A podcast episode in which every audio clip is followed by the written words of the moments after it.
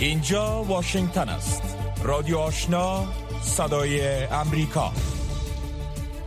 شنونده های محترم سلام. شام همه شما بخیر آواز ما را از امواج رادیو آشنا صدای امریکا مشنوین رویا زمانی هستم با تقدیم برنامه خبری این ساعت.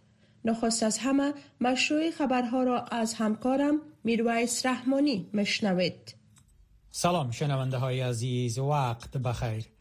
سازمان عفو بین الملل می گوید که حمله امروز بر یک مرکز آموزشی در منطقه دشت برچی کابل ناتوانی و شکست مطلق طالبان را در حفاظت از شهروندان افغانستان نشان می دهد.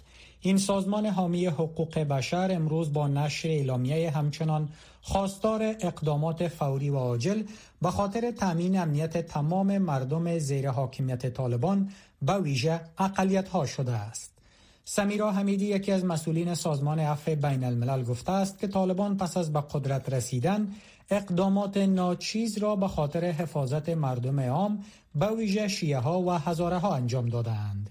سازمان عفو بین الملل همچنان خواستار انجام تحقیقات فوری همه جانبه و مستقل بر اساس قوانین و میارات بین المللی در پیوند به حملات اخیر در افغانستان شده است.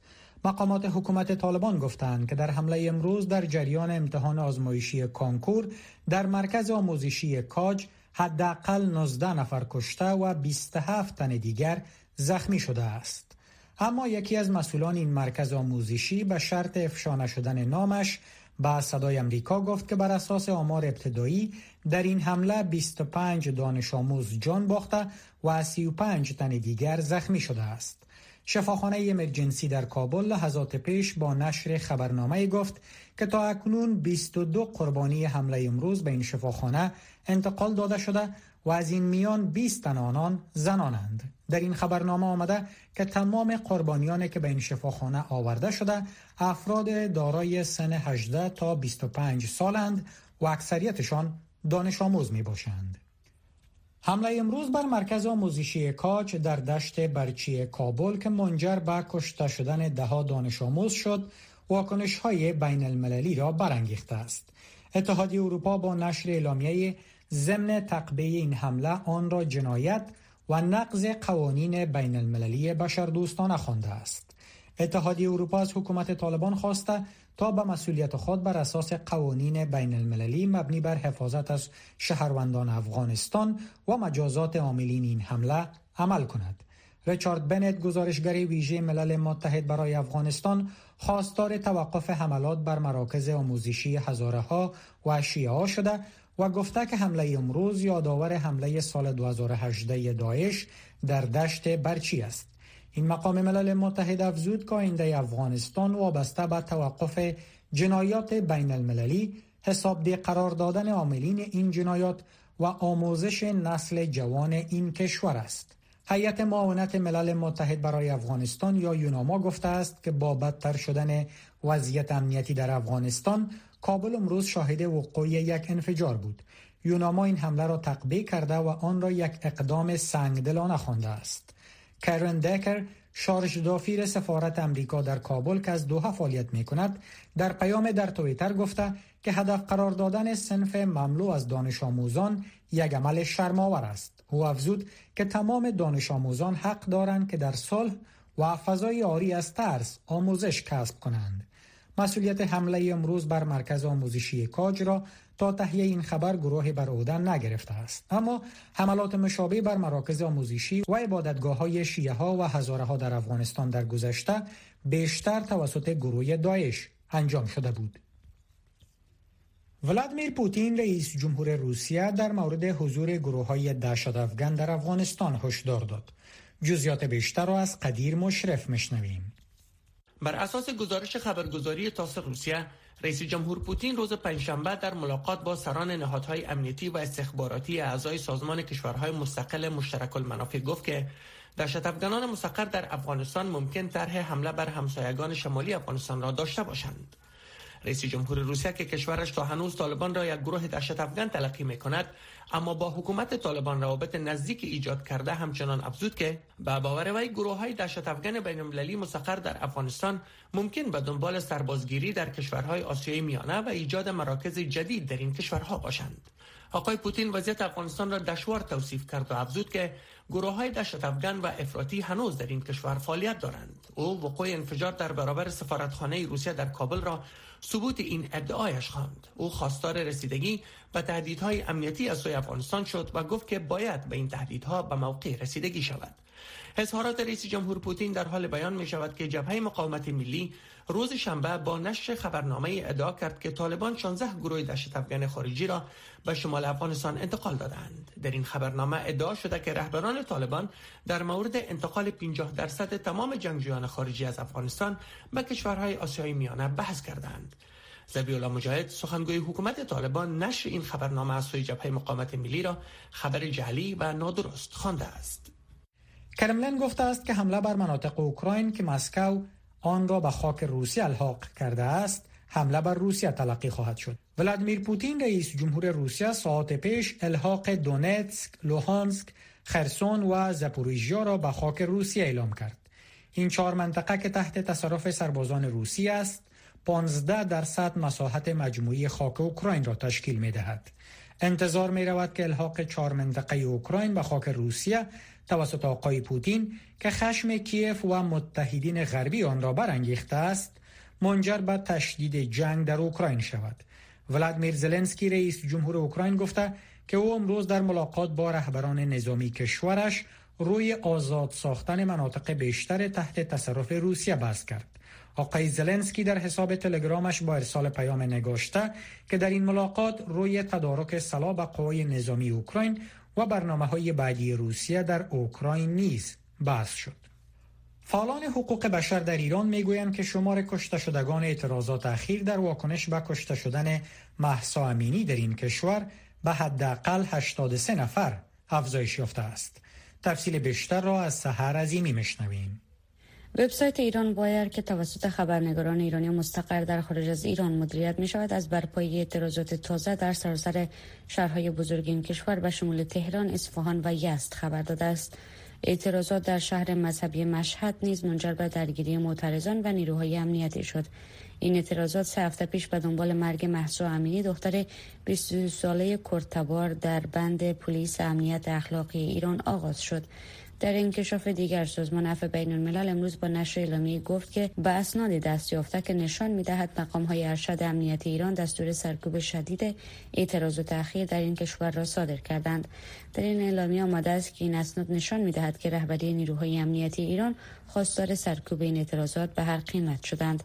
در همین حال نهاد استادیوم های باز که یک گروه حامی حقوق بشر است با ارسال نامه به فیفا خواستار حذف تیم ملی ایران از رقابت های جام جهانی فوتبال امسال در قطر به خاطر نحوه برخورد حکومت ایران با زنان شده است نیروهای بحری ایالات متحده، ژاپن و کره جنوبی امروز تمرین‌های مشترک نظامیشان را به خاطر مقابله با تهدیدهای کره شمالی آغاز کردند. این نخستین بار پس از پنج سال است که تمرین‌های مشترک نظامی بین نیروهای نظامی امریکا، ژاپن و کره جنوبی برگزار می شود. نیروی بحری کره جنوبی گفته که این تمرین های نظامی که در سواحل شرقی شبه جزیره کره برگزار شده یک روز طول می کشد و هدف آن مقابله با تهدید پرتاب میزایل از تحت البحری ها از سوی کره شمالی است. کره شمالی اخیرا ساختن تحت البحری های بزرگ با قدرت هسته‌ای و دارای توانایی پرتاب میزایل های پیشرفته را افزایش داده است. اقدامی که نگرانی سیول و متحدین آن را برانگیخته است. پایان خبرها. تلویزیون آشنا دریچه شما به سوی جهان. نه تنها در صفحه تلویزیون بلکه در صفحه اختصاصی فیسبوک تلویزیون آشنا. در وبسایت دری با آدرس voanews.com دری. در یوتیوب با آدرس VOA افغانستان دری. و در صفحه اینترنتی تویتر. تلویزیون آشنا در هر زمان و هر مکان پیوند دهنده شما با جهان. شنونده های محترم شما مشروع خبرها را شنیدید و حالا می پردازیم به گزارش های این بخش برنامه. در نخستین گزارش جیسن بلازکس مدیر مسئول مرکز مطالعات مدلبری در مورد تروریسم افرادگرایی و مبارزه با دهشت افغانی می گوید که موجودیت گروه های دهشت افغان به ویژه سازماندهی و ظهور مجدد گروه القاعده در افغانستان نگران کننده است و نباید آن را دست کم گرفت. آقای بلازکس در مصاحبه با صدای آمریکا گفت که طالبان نه تنها اصول توافق دوحه را بارها نقض کردند بلکه با شبکه القاعده و حقانی همدست شده و ارتباط تاریخی دارند. مصاحبه همکارم نجیب خلیل را در این مورد میشنوید.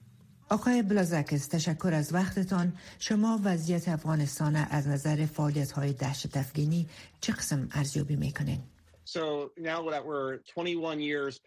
اکنون که 21 سال از 11 سپتامبر 2001 سپری می شود به صورت آشکار در این 21 سال در افغانستان چیزهای زیاده تغییر کرده است و به ویژه در طول سال گذشته. البته پس از تصمیم ایالات متحده برای خروج از افغانستان وضعیت بسیار جدید در ارتباط با ظهور تعدادی از گروه های دهشت افغانی ایجاد شده است که من شخصا نگران آنها هستم. بسیاری از افراد اکنون احتمال تهدید از جانب القاعده را رد کردند که به نظر من این یک اشتباه است. بسیاری از افراد ممکن است که با کشته شدن الزواهری در حمله اخیر ایالات متحده فکر کنند که با نبود او القاعده ممکن است مانند گذشته یک گروه دهشت افغان مطرح نباشد. اما من فکر می کنم که این موضوع واضح است. وقتی که الزواهری در یک محل بسیار زیبا در کابل زندگی می کرد در واقع بیانگر این واقعیت است که القاعده احساس می کند که می تواند دوباره در افغانستان مسئول باشد. برای من این یک نگرانی مهم است. ما نمی توانیم احتمال تبدیل شدن مجدد القاعده به یک سازمان قوی را رد کنیم زیرا آنها از لحاظ تاریخی روابط بسیار نزدیک هم با طالبان و هم با شبکه حقانی دارند. دوم من می توانم بگویم که به شدت نگران ظهور داعش هستم. این گروه از زمان خروج ایالات متحده از افغانستان صدها حمله را انجام داده است. برای من کاملا واضح است که طالبان نمی توانند داعش را تحت کنترل درآورند. بر اساس گزارش اخیر سازمان ملل متحد برخی از ارزیابی های وجود دارد که در واقع داعش تا سال 2023 می تواند در سطح بین المللی حمله کند و این نیز یک نگرانی بزرگ است آینده سیاسی و نظامی افغانستان با درک ای که رهبر القاعده در افغانستان کشته شد چگونه بررسی می‌کنین؟ به نظر من این بیانگر واقعیت است که طالبان به اصول توافقنامه هایی که با ایالات متحده امضا کرده اند مبنی بر این که برای القاعده پناهگاه فراهم نمی کنند پابند نبودند. بود و باش رهبر القاعده در مرکز شهر کابل گویای این واقعیت است که طالبان به القاعده اجازه می دهد در افغانستان پناهگاهی داشته باشد. از نظر سیاسی بدیهی است که جامعه جهانی هنوز طالبان را به عنوان حکومت قانونی افغانستان به رسمیت نشناخته است. با درک این واقعیت که الزواهری در کابل زندگی می‌کرد به رسمیت شناختن طالبان را برای کشورهای جهان در کدام مدت یا میان مدت بسیار دشوار می سازد از نظر نظامی فکر می کنم این یک واقعیت است که رهبر گروه القاعده در کابل حضور داشت و فرصت برای سازماندهی مجدد و مکان امن برای این کار داشت. داشتن پناهگاه امن برای گروه های افغان بسیار مهم است. به ویژه اگر تلاش می کنند از فشار ضد تروریسم فرار کنند. به نظر من توانایی اداره رئیس جمهور بایدن برای کشتن الزواهری یک موفقیت در مبارزه با تروریسم بود. من آن را یک موفقیت تکتیکی می دانم نه یک پیروزی استراتژیک. در توافقنامه که بین امریکا و طالبان امضا شد بخش های محرمانه هم وجود دارد به اساس معلومات شما فکر می‌کنین که طالبات تا چی اندازه؟ ای توافقنامه را نقض کرده. فکر می کنم که اصول توافق دوحه از جانب طالبان بارها نقض شده است که شامل بخش مربوط به تلاش برای انجام کار بهتر جهت مبارزه با فعالیت های افرادگرایی در افغانستان می شود این همان چیزی بود که ایالات متحده امیدوار بود. طالبان با موافقت با این توافقنامه و اصول مندرجان تعهدات خود را انجام می دهند اما فکر می کنم که این یک گام اشتباه بود. یک مسئله را باید واضح سازم که این تصمیم بود که اداره رئیس جمهور ترامپ در واقع توانست به آن دست یابد و من فکر می کنم آنها به وعده های طالبان اعتماد زیادی داشتند. اکنون با وضوح بینم که طالبان نمی توانند به وعده های خود عمل کنند. آنها توانایی انجام این کار را ندارند. آنها نمی توانند با موفقیت علیه داعش بجنگند. در مورد دیگر من فکر می کنم که این غفلت عمدی از سوی آنهاست. و فکر می کنم این بخش مربوط به تعهدات در توافق دوحه است که گفتند به القاعده اجازه نمی دهند پناهگاهی در افغانستان داشته باشد. اما حالا این خیلی واضح است که القاعده دوباره عرض وجود کرده و در صدد تقویت است. طالبان از پاکستان خواستند که به تیاره های بدون پیلوت امریکایی اجازه ورود به حریم هوایی افغانستان با استفاده از خاکشان نتن. اما پاکستان این موضوع را رد می‌کنه آیا کدام معامله بین ایالات متحده و پاکستان وجود داره که به تیاره های امریکایی اجازه را میتن؟ خب هر کسی که روزنامه ها را می‌خواند احتمالا می‌داند که این تیاره های بی پیلوت باید از جای بیایند و توانایی تیاره ها برای پرواز فاصله های معین و از نظر رسیدن به هدف اغلب به منطقه‌ای که تیاره ها در آن مستقر هستند محدود می شود این واقعیت کاملا واضح است که ایالات متحده و پاکستان پس از حملات 11 سپتامبر سال 2001 بر امریکا برای مقابله با سازمان های دهشت افغان مانند القاعده با یکدیگر همکاری کردند به عنوان مثال حکومت پاکستان در سرنگونی برخی از گروه های بزرگ نقش مهم داشت. افراد مهم القاعده را نیز از بین بردند. بنابراین من فکر می کنم که طالبان با سابقه طولانی همکاری ایالات متحده و پاکستان علیه القاعده کاملا آشنااند و به همین دلیل است که آنها این درخواست را به حکومت پاکستان مطرح کردند و من اصلا تعجب نمی کنم که حکومت پاکستان این موضوع را رد کند. زیرا اگر حکومت پاکستان بگوید که واقعا این اتفاق می افتد من فکر می کنم که در داخل کشور نیز برای پاکستان مشکل ایجاد می کند بنابراین من فکر می کنم از نظر دیپلماتیک این یک کار بسیار مغلق از سوی پاکستان است که این رابطه را انکار کند زیرا این یک رابطه انکار ناپذیر بوده است شنوندگان گرامی رادیو آشنا صدای امریکا نشرات رادیو آشنا را در موج متوسط 1296 موج کوتاه 11575 اشار صفر و در موج 972 کیلوهرتز شنیده می توانید.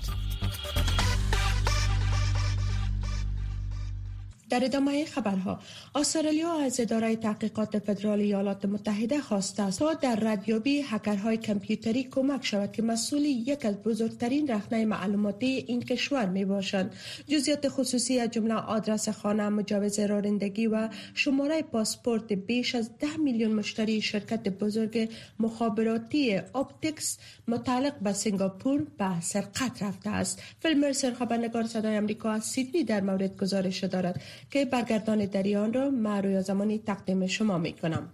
رقم بزرگ از معلومات خصوصی مشتریان شرکت اپتکس در استرالیا به سرقت رفته و همچنان این شرکت تهدید به باجگیری شده بود. اما به زودترین فرصت همه چیز تغییر کرد. تحقیق کنندگان به این باور هستند که مزرد خواهی که به گونه آنلاین به نشر توسط یک هکر صورت گرفته که بعد از راه اندازی تحقیق در این مورد نگران شده است. We will not sell data to anyone. Sorry to 10.2 million Australians whose data was leaked. افراد زیاد متوجهند ما معلومات هیچ کسی را نمی فروشیم از بیش از ده میلیون استرالیایی که معلومات آنها به بیرون درس کرده مذرت می خواهیم پول باجگیری پرداخته نشده و ما هم دیگر پروای آن را نداریم. استرالیا شرکت اپتکس را که یک از بزرگترین شرکت های مخابراتی در این کشور است. مسئول این رخنه کامپیوتری حکومت عنوان کرده است. کارل اونیل وزیر امنیت سایبری استرالیا می‌گوید که این شرکت خود برای هکرها کار را آسان ساخته بود. What is of concern for us is how what is a quite a basic hack was undertaken on Optus. We should not او آنچه برای ما نگران کننده است این است که چگونه آنچه کاملا یک رخنه ساده و ابتدایی است در این شرکت انجام شد ما نباید یک منبع مخابرات در این کشور داشته باشیم که به طور معصر راه را برای دزدیده شدن همچون معلومات باز گذاشته باشد اما کلی بایر روزمارین مدیر اجرایی شرکت Optus داشتن سیستم دفاع سایبری ناکافی و ضعیف این شرکت را رد کرد. او گفت که همه معلومات رمزگذاری شده و لایه های متعددی برای حفاظت آن وجود دارد. اما این اقدام برای بسیاری از مشتریان Optus اضطراب عمیق را به بار آورده است که معلومات شخصی آنها با خطر روبرو شده است. اداره تحقیقات فدرال ایالات متحده یا FBI برای ردیابی این دزدان دست به کار شدند. فرانک مونتیا جونیور مامور ویژه سابق اف بی آی بر رادیو و تلویزیون استرالیا گفت که یک حکومت خارجی می تواند در این کار دست داشته باشد. determine if it's, if it's nation state or if it's a criminal enterprise. ما تلاش می‌کنیم تا مشخص سازیم که آیا این یک کشور است یا یک تصدی جنایتکار این کار حالا می تواند یک چالش باشد زیرا گاهی اوقات حکومت یک کشور در بخش های اعمال جنایتکارانه کار می کند به گونه مثال کره شمالی در ذهن من خطور می کند و اینکه چگونه آنها به دلایل مختلف به دنبال همچو اقدامات می باشند اما گاهی اوقات آنها این کار را در بازارهای سیاه فقط برای فروش می کنند تا پول به دست آورند. آگاهان امور امنیت سایبری استرالیا هشدار دادند که تا زمانی که شرکت ها بیشتر برای محافظت از معلومات خصوصی مشتریان خود کار نکنند نقص معلومات مانند رخنه در شرکت اپتکس ممکن دوباره اتفاق بیفتد. صدای امریکا در رسانه های اجتماعی حضور فعال دارد. هر روز اخبار و گزارش های جالب را از طریق فیسبوک، تویتر، تلگرام و اینستاگرام صدای امریکا دنبال کنید. نظریات شما روزانه در برنامه های مختلف و نشر می رسند. شنونده رادیو آشنا باشید.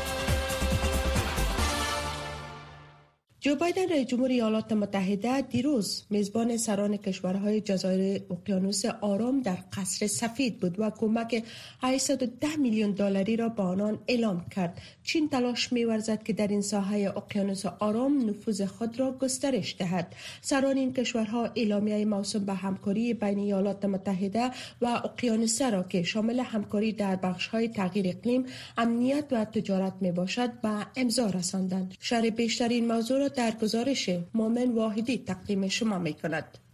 نخستین نشست سران کشورهای ایالات متحده و جزایر اقیانوس آرام با پذیرایی دهاتن از سران این کشورها در قصر سفید خاتمه یافت. آنان اعلامیه همکاری بین ایالات متحده و جزایر اقیانوس آرام را به امضا رسانیدند که شامل 810 میلیون دلار کمک در بخش های تغییر اقلیم، ماهیگیری متداوم، بهبودی همگیری و تجارت می باشد. امضای این اعلامیه بخش از تمرکز اداره ریاست جمهوری بایدن برای دفع و مبارزه با نفوذ چین در منطقه می باشد. جو بایدن رئیس جمهور ایالات متحده در زمینه چنین گفت Following appropriate consultations, we will recognize the Cook Islands and پس از مشوره های مناسب ما جزایر کوک و نیوی را به حیث کشورهای مستقل به رسمیت خواهیم شناخت و امیدواریم که گفتگوهای موفقانه ای را در مورد پیمان همکاری های آزاد با سه کشور متحد ما در منطقه فدراسیون مکرونیزیا، جمهوری جزایر مارشال و جمهوری پلاو انجام دهیم. پیمان همکاری آزاد به ایالات متحده اجازه می دهد تا نیروهای دفاعی خیش را در این کشورها در بدل های پولی و امنیتی نگه دارد. مذاکرات برای تمدید پیمان با جزایر مارشال روی این تقاضا از سوی جزایر مارشال معلق مانده است که واشنگتن باید تاثیرات اقتصادی و صحی آزمایش های هستوی ایالات متحده در این جزایر را پس از جنگ جهانی دوم به صورت بهتر مورد غور و بررسی قرار دهد. دیوید کابوا رئیس جمهور جزایر مارشال در زمینه چنین گفت. علاوه بر آن تغییر اقلیم یک تهدید اساسی و امنیتی برای جزایر مارشال، اقیانوسیا و به باور من برای کل جهان می باشد. جزایر سلیمان در ماه اپریل امسال یک قرارداد امنیتی را با بیجنگ به امضا رسانید و نگرانی ها را برای حضور بیشتر دائمی چین افزایش داد. مقامات امریکایی و کارشناسان امور اعتراف می کنند که واشنگتن توجه کافی به این منطقه از جهان مبذول نداشته است. براین هاردینگ از انستیتوت صلح ایالات متحده در زمینه چنین می گوید. The most important outcomes of the summit are going to be internal to the U.S. government. In the lead up to the summit, uh, there's the dozens of U.S. departments and agencies that have interest in the Pacific. مهمترین دستاورد این نشست مربوط می شود به سیاست ها و کاغذپرانی های موجود در حکومت ایالات متحده. پیش از برگزاری این نشست قصر سفید از وزارتخانه ها و آن دسته از ادارات دولتی که در حوزه اقیانوسیه علاقمندی دارند خواسته بود که استراتژیشان در مورد اقیانوس آرام چی است من فکر می کنم که این امر به تغییرات بیروکراتیک منجر خواهد شد و نقش و اهمیت جزایر اقیانوس آرام را در کاغذ پرانی موجود در حکومت ایالات متحده بالا خواهد برد. در ماه جولای کاملا هریس معاون ریاست جمهوری ایالات متحده بازگشایی دو سفارت جدید امریکا در تونگا و کیراباتی را اعلان کرد. قرار است سفارت ایالات متحده در جزایر سلیمان نیز بازگشایی شود. روکو راست صحبت های داغ صاحب نظران در مورد خبرها و مسائل روز هر شام از ساعت 8 تا 9 شب در برنامه مشترک دری و پشتوی رادیو آشنا صدای امریکا. بخش زنده این برنامه را در نشرات ماهواره صدای امریکا نیز دنبال کرده می توانید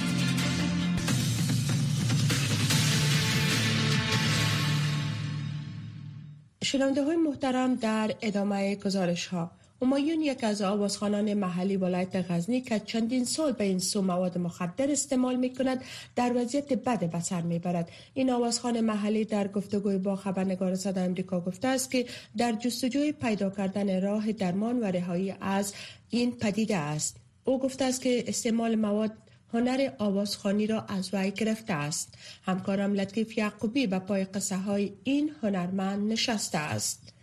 دلچو از دل رو با جدا باشد. دلچو از دل رو با جدا باشد. چهارده سال پیش برای کاهش درد کمر استعمال مواد مخدر را آغاز کرد. بیخبر که این مواد هنر را از وی می‌گیرد و صدایش تنینی در گوشه ها نخواهد انداخت. من اونجا کار می‌کردم کار بیل و دیقانی بود. چون من کمر درد داشتم گولی پیچکاری ادویجات دکتر هیچ کار نمی‌کرد. ما به خاطر می کمردردی کم کم اینمی تریاک استفاده کردم. اونمو ما آرام می‌کرد. گولی هیچ چیز درد ما آرام نمی‌تونست.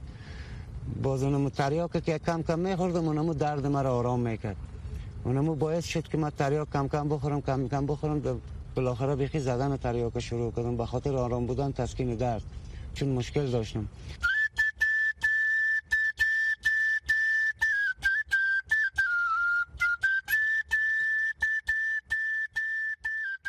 همایون هنر آوازخانی را در روزهای کودکی به گونه عملی از پدر خود آموخته. اما به دلیل اعتیاد دفتر موسیقی او از سالها به این سو بسته شده است اکنون تمام دغدغه این هنرمند محلی رهایی از بلای خاموش به نام اعتیاد است. اگر هزار پر آوردیم در روز پیدا کردیم همین اینجا خرج شد. اگر دو هزارم پیدا کردیم هم در یک روز اینجا خرج شد. اینمی مواد اگر هر این مواعید روز ما کلش دینه میمیره دیگه چیزی که داشته نداشته کلش از زده می چیز نمانده دیگه در زندگی جلو پستک ما رو جمع کرده خود ما همیشه اینمی آرزوی مسته که ما جور باشم همون کسایی که می‌فهمم می‌بینم که درای بدبختی روان هستن دستشان بگیرم از این بدبختی اول خود دوم خداوند اول ما رو دوم نمی‌خوایم که مثلا در این حالت زندگی کنم روانشناسان می‌گویند در کنار چالش اقتصادی ناهنجاره های عاطفی در خانواده ها مهاجرت به کشورهای همسایه فقر و بیکاری در کشور از علتهای افتادن جوانان به دامی اعتیاد است. راهکار بیرون رفت از این گرداب در یک کشور توجه جدی حکومت است. مثلا مشکلات اقتصادی که داریم فقر و بیکاری. باید اشتغال, اشتغال زایی صورت بگیره برای قشر جوانان ما تا که از مهاجرت های غیر قانونی جلوگیری گردد محل زندگی همایون به روشنی بیانگر زندگی یک قربانی مواد مخدر است. جایی که او بدون هیچ گونه امکانات شب و روز خود را میگذراند. اما با این همه امیدوار است که روزی دوباره به زندگی عادی برگردد.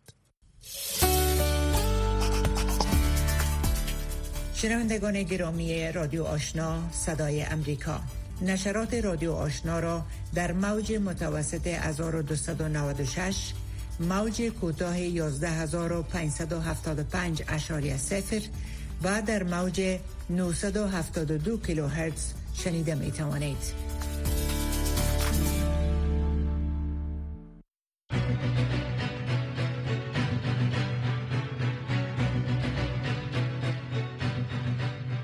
شنونده های محترم این بود. داشته های بخش برنامه که تقدیم شما شد برنامه های رادیو آشنا همچنان ادامه دارد. با ما باشید